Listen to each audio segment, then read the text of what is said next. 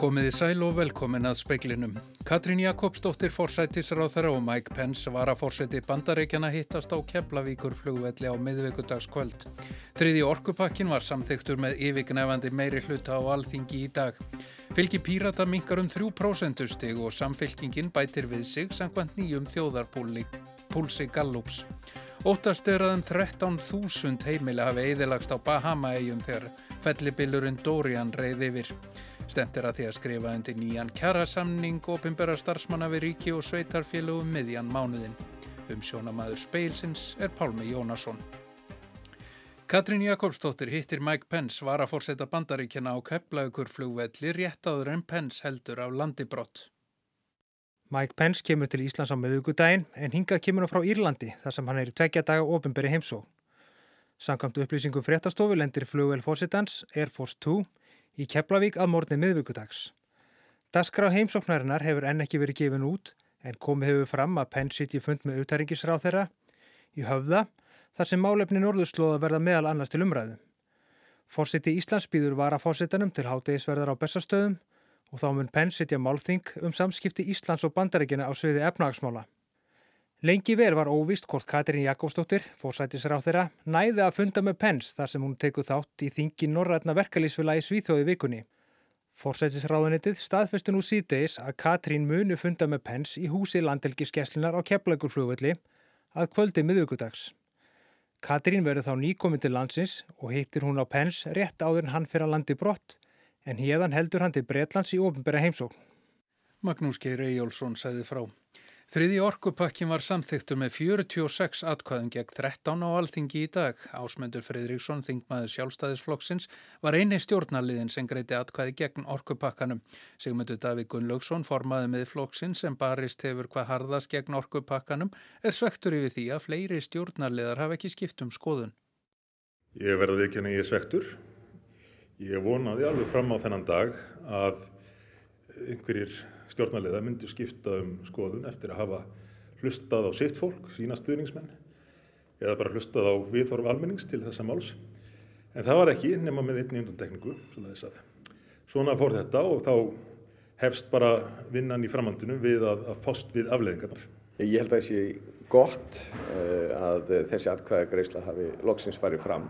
Þetta hefur náttúrulega haft einstaklega langan aðdraðanda, allir við getum ekki sagt að það sé svona áratugur Ég held að það sé óhætt að fullir það að margt, kannski flest eh, sem að hér hefur komið upp tengist ekki þrý orkupakkana.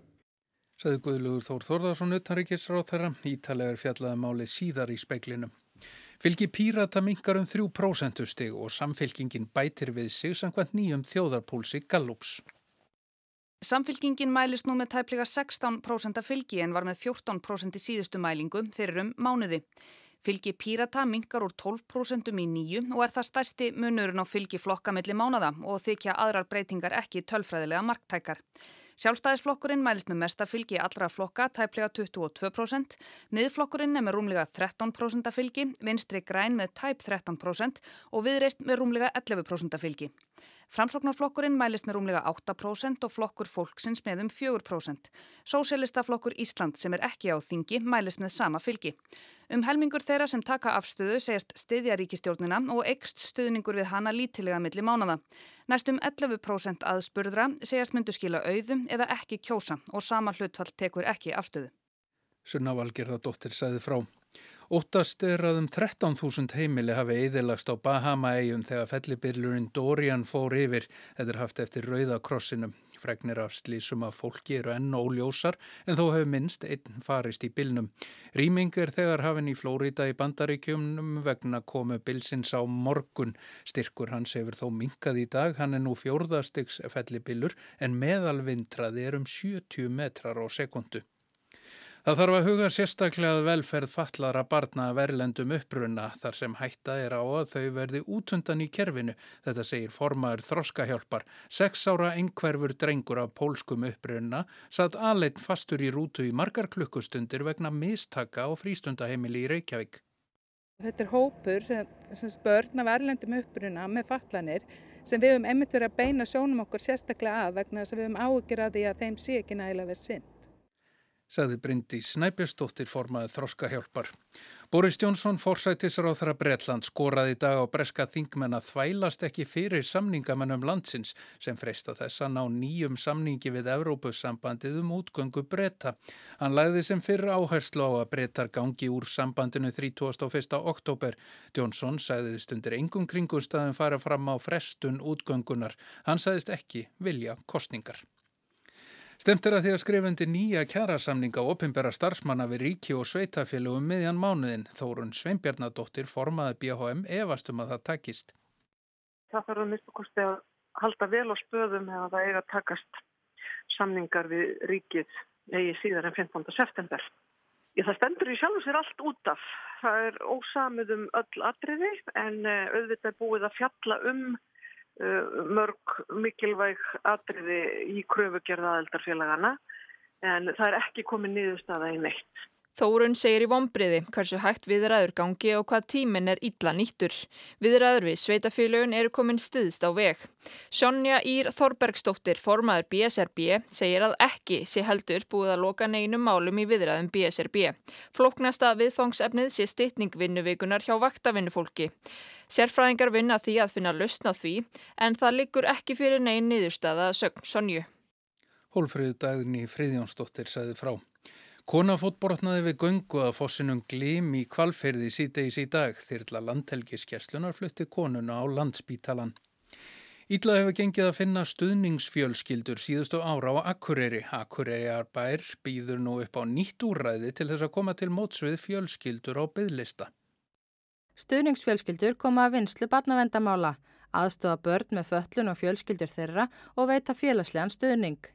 Karolina Gunnarsdóttir, sviðstjóri fjölskyldusviðs, segir skort á stuðningsfjölskyldum langvarandi vandamál. Við hefum auglist mikið, við hefum verið að eh, fara upp í háskóla og hitta nema og við hefum verið að ekki til því fjölmiðlum og það hefur bara lítið gengið.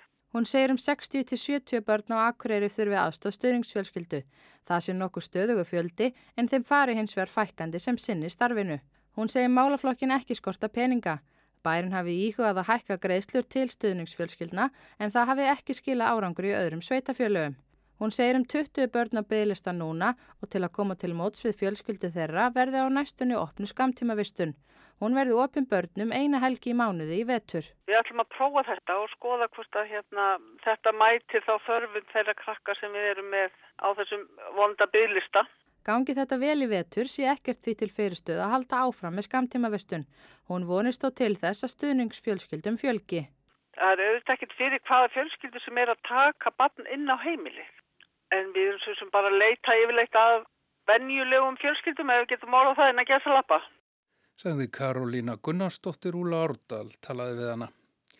Kari Lam leðtói heimastjórnarinnar í Hong Kong sem kveikjana þeim mótmælum sem geysað hafa í hýraðinu hafa valdið ófyrirgevanlegum óskunda og bæðist afsökunar og leti af ennbætti ef hún ætti þess kost. Fréttastofan Rauter segir þetta koma fram í hljóðu upptöku frá fundi Lam með kaupsíslu fólki í Hong Kong í síðustu viku. Hún segist þar hafa takmarkaða möguleika til að leysa vandan því hjá ráðamönnum í Peking séu óerðirna farnar að snúast um þjóðaröryggi og fullveldi Kína samhliða aukinni spennu í samskiptum við bandaríkinn. Nær samfeld mótmæli hafa verið í Hongkong síðan í júni þegar Lam og heimastjórnir laðið fram frumvar til laga sem heimilaði framsala brotamönnum til meginlands Kína. Þó tætt að við verið við afgreslu frumarsins hefur það formlega ekki verið dreyið tilbaka eins og mótmælendur hafa krafist. Mótmælinn hafa fast í aukana undan farnar vikur en Lam segir í upptökunni að enn sé ekki komið á þólmörkum hjá stjórnvöldum í Peking. Þau hafi ekki sett neyn skilirðum að binda enda á mótmælinn og þau hafi engin áformum að senda herin út á götur Hong Kong. Þeim sé andum ímynd Kína á alþjóða vettvangi. Kristján Robert Kristjánsson sæði frá. Þriðju orkupakkin var samþyktur á alþingi í dag. Á meðan þingmenn greitu atkvæðu um málið sapnaðist fremur fámennur hópur mótmælanda fyrir utan alþingishúsið. Kristín Sigurðardóttir, frettamæður, fyldist með þingfundi sem hófst klukkan hálf 11 í morgun. Klukkan er kortir gengin í 11 og ég sit hérna á þingpöllum frettamanna og horfi yfir salin í Alþingishúsinu sem er tómur núna. Hér er undirbúningur í fullum gangi fyrir umræðunum þriði orkupakkan. Hann lætur ekki mikið yfir sér þessi þingsalur. Púltið sjálft, pontan er frekar lítil en hún hefur tekið á móti 138 klukkustundum og 25 minútum um þriði orkupakkan og svo bætist meira við hérna í dag. Og hér býða margir spendir, bæði þingmenn og þeir sem ætla að vera hér fyrir utan mótmæla og svo þeir sem ætla að fara upp á þingpallana. Í alþingisgarðinum eru menn í óðan og sópaburtu laufum og þess vegna er háaðin hérna og heyrist ekki fugglasönglum. En það er hópur fólk sem er komin hérna við dittnar að þingpallunum býður hérna fyrir utan alþingishúsi eftir að fá að komast inn. Þegar maður ég fann nafni? Jóhanna Kristjánsdóttir. Mér finnst það sorglegt að alþingismenn Ísland skulle vera svíkað þjóðsina. Þú upplifir það að samþykja þriði orkupakkan sem svík? Já, ég gerir það. Ég heit Óláður. Hversson? Ólásson. Hvað ætlið þið að gera á þingpallunum? Við ætlum að horfa á þetta bara og fylgjast með þessu og bara hafa verið frólægt að horfa á hvernig, hvernig fólk gerir þetta, hvað það segir til dæmis. En við erum ekki að fara að lemja fólkið þarna sko. Enda náttúrulega opna leit hérna inni og það er ekkert, ekkert svoleiðis í gangi en að mála upp eitthvað svoleiðis mynd af okkur sem erum á mótu þessu er náttúrulega bara kjánalegt sko. Það verður engin hróp á kölluð en eitt svoleiðis. Áttu vona því? Hefur þið séð það hérna? Ég hef ekki séð það hérna. En þingfundur var varla hafinn þegar þetta gerðist. Orkupakkin snýst ekki um sæstring. Hann fer ekki gegn stjórnarskráni. Hann tekur ekki á neitt haft orku auðlindir. Þetta eru landráð og þau skulle muna það að þegar það framið kær. Lauruglumæður vísaði Ólafi umsögulust út úr alþingishúsinu. Var þetta þess verði? Já, algjörlega, algjörlega.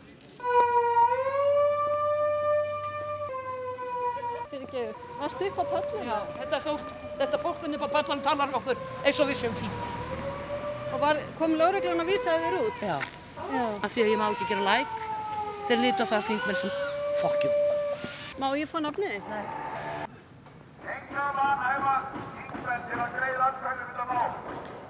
Klukkan er orðin hálf tólf. Atkvæða kreslum um fyrsta frumverfa á þessum fjórum rétt að ljúka. Svona slæðingur af fólki við sapna saman hérna á Östurvelli fyrir utan Alþingishúsið. Það eru gjallarhorn og íslenski fánin á lofti. Segð mér hvað þú heitir fullu nafni.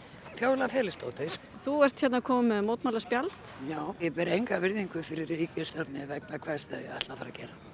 Hérna á Östurvelli er tálítill hópur svona til hlýðar við þann hóp sem er með fána og mótmála spjöld.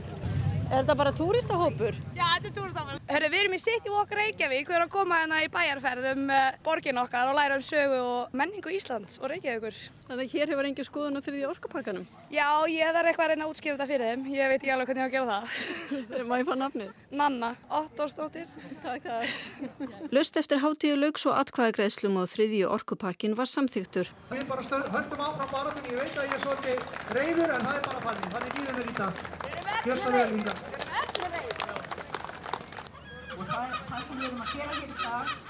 Inni í alþingishúsinu reku við hljóðnjaman framann í Bjarnar Benediktsson, formann sjálfstæðisflokksins. Er þetta léttir búið að samþykja orkupakkan?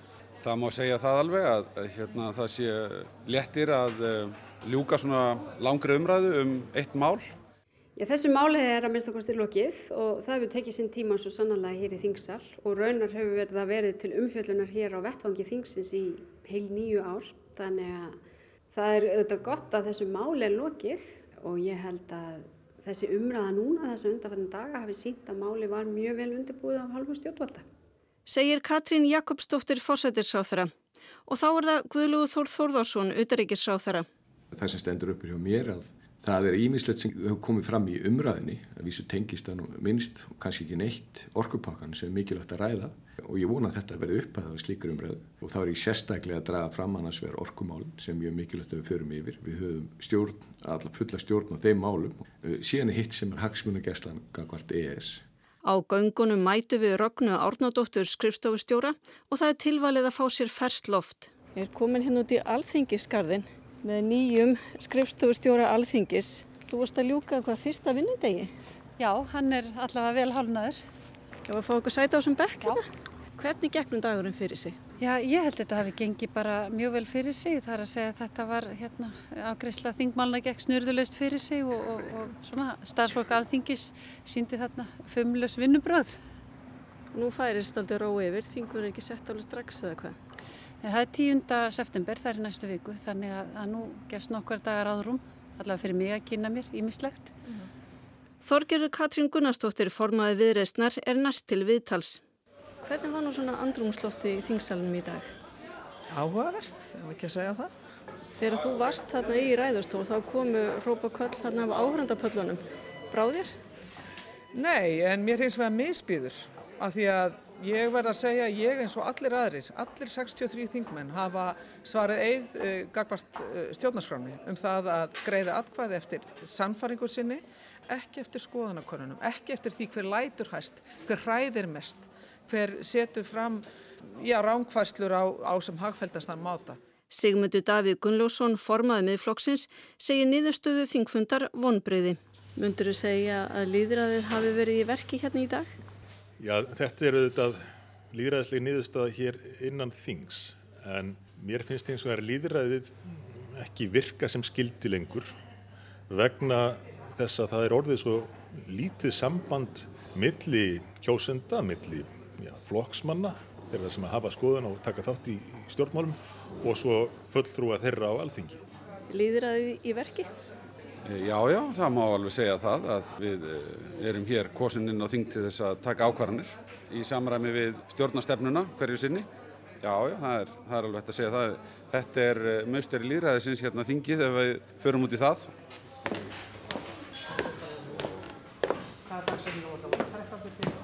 Þar með er þingfundi lokið, þriðja orkupakkin samþyktur, fáanir þingmenn í kaffeterjunni og orðið heldur fámennt á Östurvelli.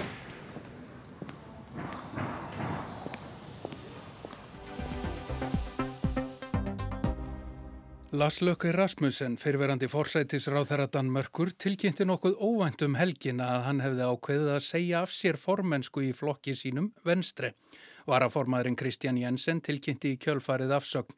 Líklegasti artakin er Jakob Ellemann Jensen, sonur Uffe Ellemann Jensen sem var formaður flokksins í 14 ár undir lok síðustu aldar. Det har været nogle historiske dage i dansk politik. Venstre har været i krise de sidste mange uger. Det kulminerede her i weekenden, hvor både formand Lars Løkke Rasmussen og næstformand Christian Jensen trådte tilbage. Undanfarnar vikur hefur verið mikill órói innan venstre sem er stærsti stjórnar andstöðuflokkur Danmörkur. Margir hafa líst óánægi með bæði formannin og varaformannin Kristján Jensen, fyrirverandi fjármálar á þeirra. Leittóar venstre komu saman til fundar á föstudag og lögardag átti miðstjórn flokksins að ræða deilurnar.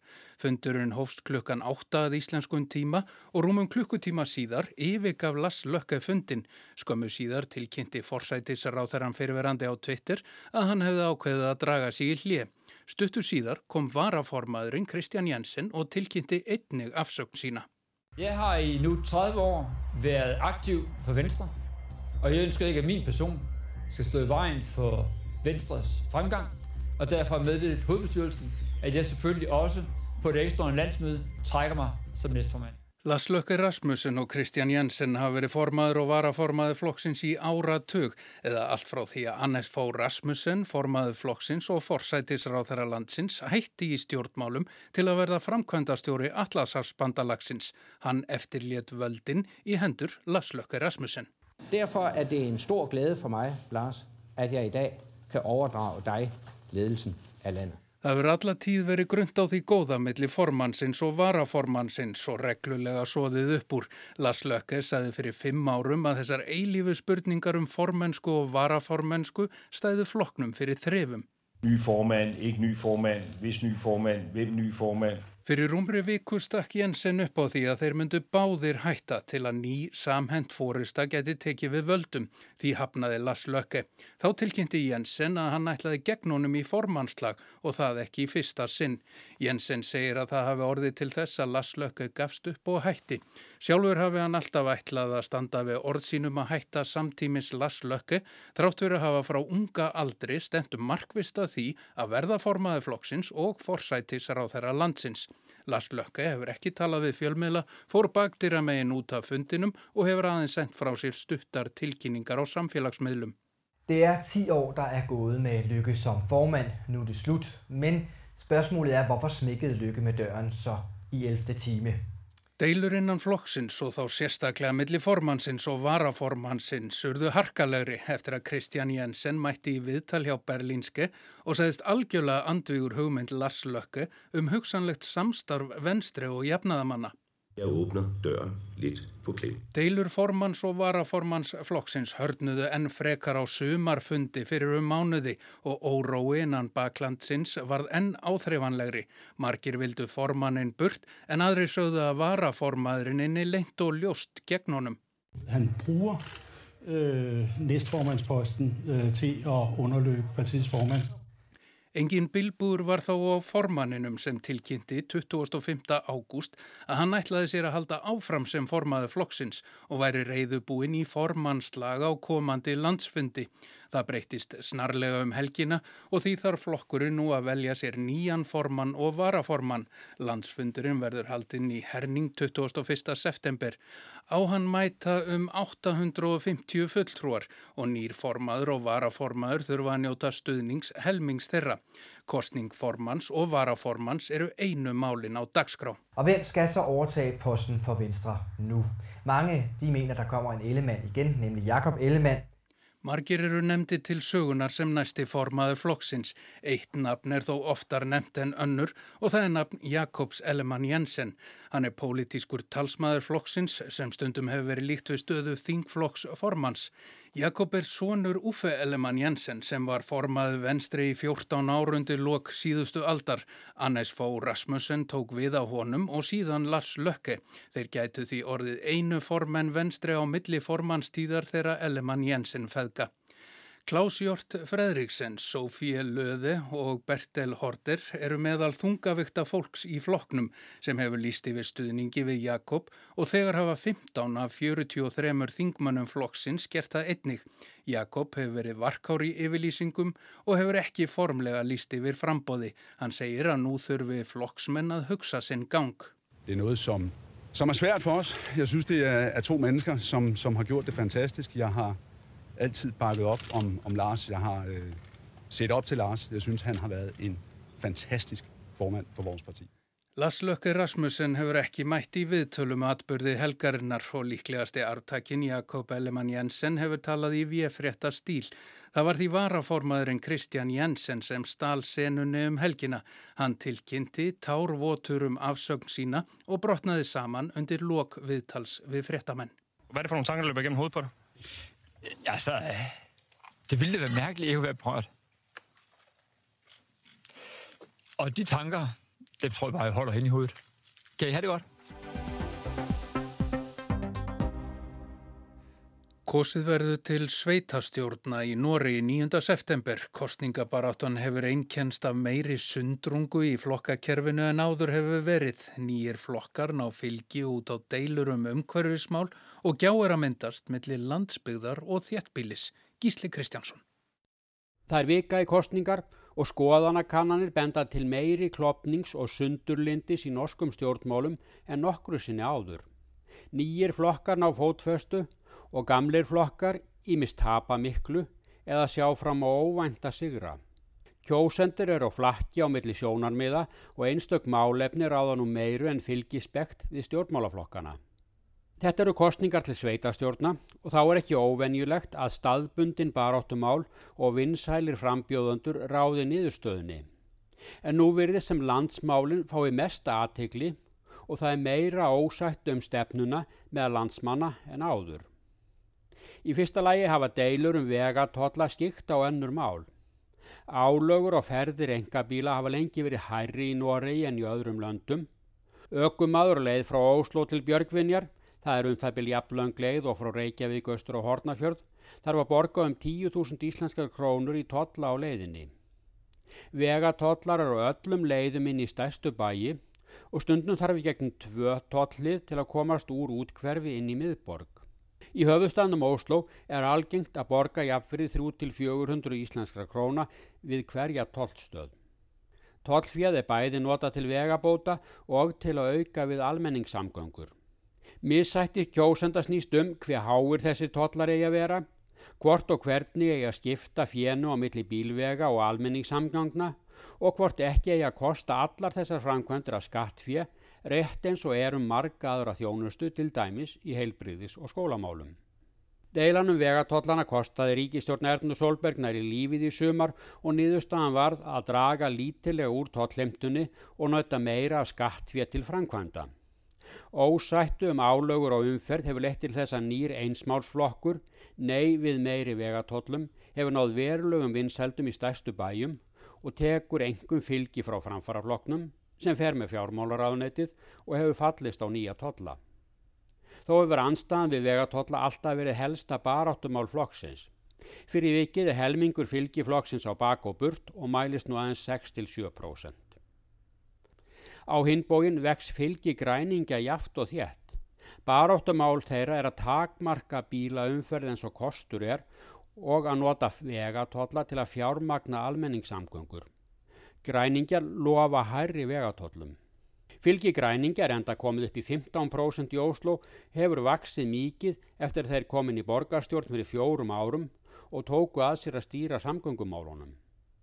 Þarna myndast gjá á milli ungs bílaus fólks í miðborg og enga bíla vina í útkverfunum. Græningar taka fylgi frá fjálslundafloknum sem er í ríkistjórn og einni fór verkamannafloknum. Gömlu flokkarnir reyna að skarta einhverjum umhverjismálum til að spórna við sókn græningja. Önnur gjá á milli hópa kjósenda er einni orðin áberandi. Það er gjáinu milli landsbyggðar og borga. Í ára tugi var það helsta markmið verkamannarflokksins, sem stýrði Nóri í 80 ár, að brúa þetta bíl. Að komi í veg fyrir tókstreitu milli borgarbarna og sveitafólks. Klopningur núna er rækinn til stöðugt vaksandi kröfu um að hagræða í ofinbjörnrekstri, fækka stopnunum og loka þeim minnstum. Þetta bytnar á þjónust á landsbyggðinni, skólum, lauruglustöðum, sjúgráðsum og elli heimilum er lokað, sveitarfjölug saminuð með valdi og þjónustan flutt til stæstu bæja. Gömluflokkarnir bæði í ríkistjórnu utan hafa fyllt þessari stefnu alla þessu öld, að miðflokknum undanskildum. Það er hinn gamli flokkur bænda sem nú stefnir í að tvöfalda fylgi sitt og verða ráðandi flokkur í dreifbíli. Fylgi upp á 16% er áður óþægt í söguflokksins ef frá er talin baráttan gegn aðilda Evrópusambandin á liðinu öld. Flokkurinn geti fengið fleiri hrefsnemdar oddvita eftir kostningar en okkur annar flokkur en þá bara við um hinnar dreifuðu byggðir. Eins og staðina núna fá flokkarnir fjórir í ríkistjórn aðeins 35% atkvæða en stjórnar anstaði yfir 60% og minnst 10 flokkar er með frambóðum all land. Stæstu flokkarnir mig að takka fyrir að ná 20% fylgi. Þetta er meiri sundrung en áður hefur sérst í norskum stjórnmálum. Gísli Kristjánsson sæði frá en í speiklinum var þetta helst. Katrín Jakobsdóttir forsætisráþara og Mike Pence var að forsæti bandaríkjana hittast á Keflavíkur flugvelli á miðvíkudagskvöld. Þriði orkupakkin var samþyktu með yfirgnæfandi meiri hluta á alþingi í dag. Fylgi pírata minkar um 3% stig og samfylkingin bætir við sig sangvænt nýjum þjóðarpúlsi Gallups. Óttast er að um 13.000 heimili hafi eðilagst á Bahama-eigum þegar fellibilurinn Dorian reyði yfir. Stemt er að því að skrifa undir nýjan kjærasamning og pimbera starfsmanna við ríki og sveitafélögum miðjan mánuðin. Þórun Sveinbjarnadóttir formaði BHM efastum að það takist. Það þarf að huga sérstaklega að velferð fallara barna verlendum uppruna þar sem hætta er á að þau verði útundan í kerfinu, þetta segir formaður þroskahjálpar. Seks ára einhverfur drengur á pólskum uppruna satt aðleitt fastur í rútu í margar klukkustundir vegna mistaka á frístundaheimili í Reykjavík. Boris Jónsson, fórsetisráþara Breitland, skoraði í dag á breska þingmenn að þvælast ekki fyrir samningamannum landsins sem freista þess að ná nýjum samningi við Evrópusambandið um útgöngu breyta. En það er ekki fleira í speklinum. Tæknimaður var Jón Þór Helgason. Verðið sæl.